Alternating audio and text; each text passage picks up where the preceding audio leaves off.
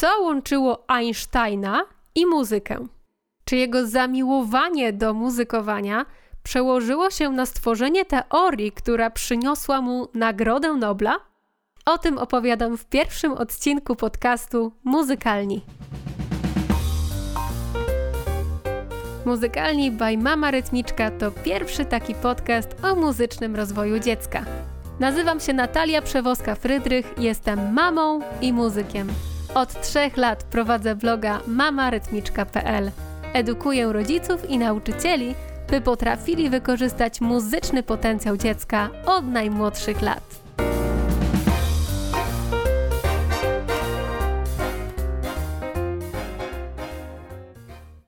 Zanim zaczniemy, małe ogłoszenie. Y, szykuję darmowe wyzwanie mailowe. Mm, będzie ono trwało 5 dni i będzie dotyczyło wartościowego muzykowania dla dzieci. Czy może być muzykowanie niewartościowe? Oj, może, będę o tym mówić, a my będziemy mówić przede wszystkim o tym wartościowym muzykowaniu. E, każdy dzień wyzwania to będzie inny temat, e, nagrania wideo oraz materiały, także mam nadzieję, że będziesz ze mną. Szczegóły na pewno pojawią się na moim Instagramie, fanpage'u oraz w muzycznym newsletterze. Wszystkie linki znajdziesz w opisie. E, to było ogłoszenie, a teraz przechodzimy do tematu. Wszyscy wiemy, kim był Albert Einstein, słynnym fizykiem i noblistą. Mało kto jednak wie, że Einstein był też znakomitym skrzypkiem. A o ile czasami wiemy, że był skrzypkiem, to nie wiemy tego, że gdyby nie zajmował się nauką, to prawdopodobnie zostałby właśnie muzykiem. Jak sam powiedział, cytuję: Żyję moimi marzeniami w muzyce, widzę swoje życie w kategoriach muzyki. Einstein myślał o nauce w kategoriach obrazów, intuicji, które często były zaczerpnięte bezpośrednio z jego doświadczeń muzycznych, bo grał nie tylko na skrzypcach, ale też na fortepianie. E, dopiero później te obrazy, które stworzyły mu się w głowie, przetwarzał na aspekty logiczne i matematykę. No i teraz, jak to się w ogóle stało, że Einstein zainteresował się muzyką? Po prostu miał dostęp do wszechstronnej edukacji, która w dużym stopniu obejmowała także sztukę, także nauki humanistyczne.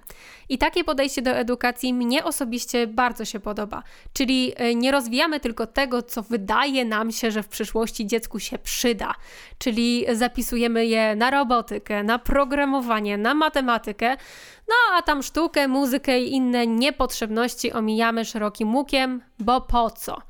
Jeszcze zostanie w przyszłości malarzem i będzie biedę klepał. Tymczasem Einstein jako dziecko został zainteresowany wszystkimi dziedzinami. E, finalnie poszedł w fizykę, ale wszystko, czego wcześniej się nauczył, miało wpływ na to, jakim był człowiekiem. Dzięki temu nie myślał wąskotorowo, był ogólnie wszechstronnie wykształcony. Właśnie tak lubię patrzeć na edukację. My dajemy dziecku możliwości, pokazujemy różne perspektywy, pokazujemy różne drogi, ale finalnie to dziecko wybiera swoją ścieżkę. Przynajmniej w naszych czasach. W czasach Einsteina to było troszeczkę inaczej i trudniej. Ale nie jest tak, że e, Einsteinowi coś się tam nie przydało, coś było zbędne, bo wszystko, czego doświadczył, ma wpływ, miało wpływ na to, jaką drogę wybrał. Ale to taka moja mała dygresja, wróćmy teraz do Einsteina i muzyki. Na wypadek, gdyby ktoś sobie pomyślał, że Einstein był takim wybitnym dzieckiem i że wszystko mu przychodziło z łatwością, to od razu wyprowadzam z błędu. W wieku pięciu lat zaczął brać lekcje gry na skrzypcach, ale ćwiczenia były dla niego tak trudne, że rzucił krzesłem swojego nauczyciela i się skończyło. Dopiero w wieku 13 lat, e, dzięki muzyce Mozarta, która po prostu bardziej do niego przemówiła, no i był po prostu też starszy, dojrzalszy, zaczął się interesować grą na skrzypcach na poważnie. I tu znów zacytuję e, samego Einsteina. Muzyka Mozarta jest tak czysta i piękna, że postrzegam ją jako odbicie wewnętrznego piękna wszechświata, powiedział. No cóż, trzeba przyznać, że Einstein był romantykiem. E, jak wszyscy wiemy, finalnie Einstein muzykiem nie został, ale grywał dla przyjemności. E, skrzypce były dla niego taką odskocznią i jak mówił jego syn, gdy czuł, że znalazł się na końcu drogi lub w trudnym punkcie swojej pracy, szukał schronienia w muzyce, która zwykle rozwiązywała jego trudności. No cóż, e, też bym chciała, żeby muzyka rozwiązywała moje trudności, ale niestety z powodów zawodowych jest z reguły wręcz odwrotnie. Z reguły muzyka powoduje więcej y, trudności niż trzeba, ale to kolejna dygresja. Y, niewątpliwie dla Einsteina muzyka była czymś więcej niż tylko hobby. Y, wręcz odgrywała rolę w tworzeniu prac naukowych. Jego druga żona, Elza, opowiadała o tym, jak pewnego dnia Einstein podszedł do fortepianu, grał przez pół godziny i od czasu do czasu notował. No i od tego momentu na dwa tygodnie zupełnie zniknął w y, pokoju, wyłaniając się tylko na, jak to Elza określiła, dziwne sesje fortepianowe. No i po tych dwóch tygodniach pojawił się z roboczym szkicem ogólnej teorii względności. Oczywiście y, sama muzyka niewiele z ogólną teorią względności miała wspólnego, choć ma trochę wspólnego z falami grawitacyjnymi, o czym y, opowiem za chwilę, ale co Einsteinowi w tej grze tak naprawdę pomogło. No bo gra na instrumencie jest dla mózgu tym, co dla nas ludzi ogólnie układanie skarpetek w szufladzie. Czyli wielu osobom gra pomaga uporządkować myśli. E, rozwiązania harmoniczne są przewidywalne, no a przynajmniej były w muzyce w czasach Einsteina. Wszystkie nuty układają się po kolei w jedną całość. To dlatego zachęcam rodziców, by w jakiejś formie wprowadzali dzieciom naukę gry na instrumencie, bo to jest po prostu niesamowity trening dla mózgu. Einsteinowi najwyraźniej gra na instrumencie pomagała się skupić. A propos fal grawitacyjnych i muzyki. E, swoją ogólną teorię względności Albert Einstein ogłosił w 1915 roku. Einstein przewidział w tej teorii istnienie fal grawitacyjnych. E, po raz pierwszy zaobserwowano i udowodniono ich istnienie dopiero w 2015 roku, czyli całkiem niedawno. E, I po zarejestrowaniu tych fal grawitacyjnych naukowcy przekonwertowali je na fale dźwiękowe i uwaga, możemy je usłyszeć. E, historia jest bardzo ciekawa, bo miliard lat temu zderzyły się ze sobą czarne dziury Y, i pochodząca z tej kosmicznej katastrofy fala y, grawitacyjna podróżowała z prędkością światła przez wszechświat i dopiero w 2015 roku dotarła do Ziemi. I dzięki temu możemy to zdarzenie, które miało miejsce miliard lat temu, usłyszeć. To jest niesamowite. Najprościej mówiąc, brzmi to tak, jakbyśmy wrzucili kamyk do wody. No tak mniej więcej można porównać to brzmienie.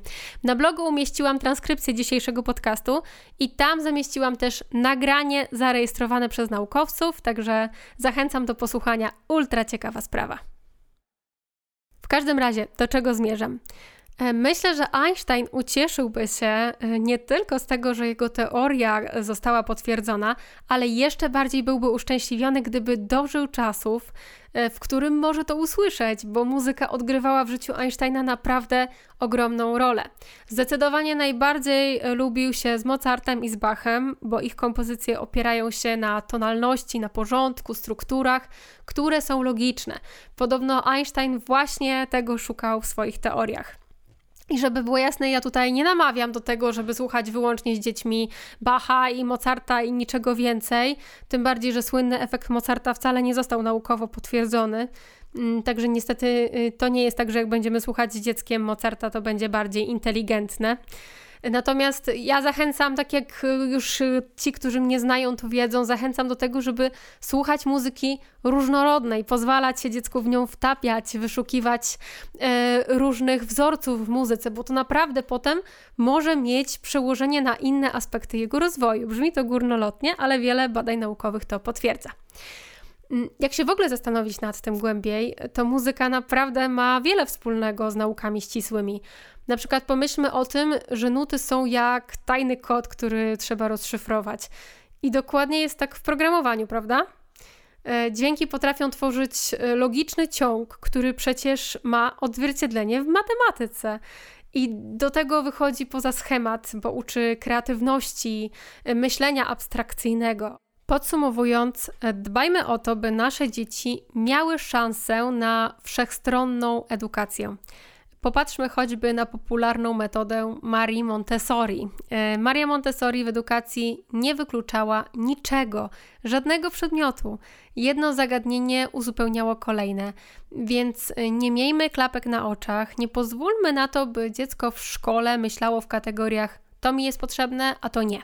Owszem, bardzo dużo zależy od sposobu edukacji, ale y, to już jest y, zupełnie na inny odcinek. Rada jest na to jedna: rozbudźmy w dziecku miłość do sztuki, do muzyki, zanim pójdzie do szkoły i będą próbowali go zaszufladkować. Y, wykorzystajmy muzykę do tego, by rozwijać nasze dzieci wszechstronnie. Oczywiście ja jestem muzykiem, więc e, w kwestii fizyki, na której się nie znam, korzystałam z ogólnodostępnych, głównie zagranicznych źródeł, więc e, jeśli jesteś ich ciekawa, ciekawy, to zapraszam Cię na bloga mamarytmiczka.pl. Tam znajdziesz transkrypcję dzisiejszego odcinka oraz link do moich źródeł.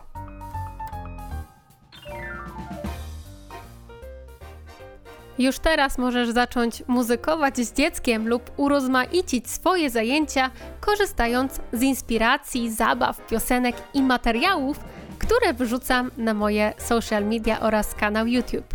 W opisie znajdziesz wszystkie linki. Do posłuchania w kolejnym odcinku muzykalnych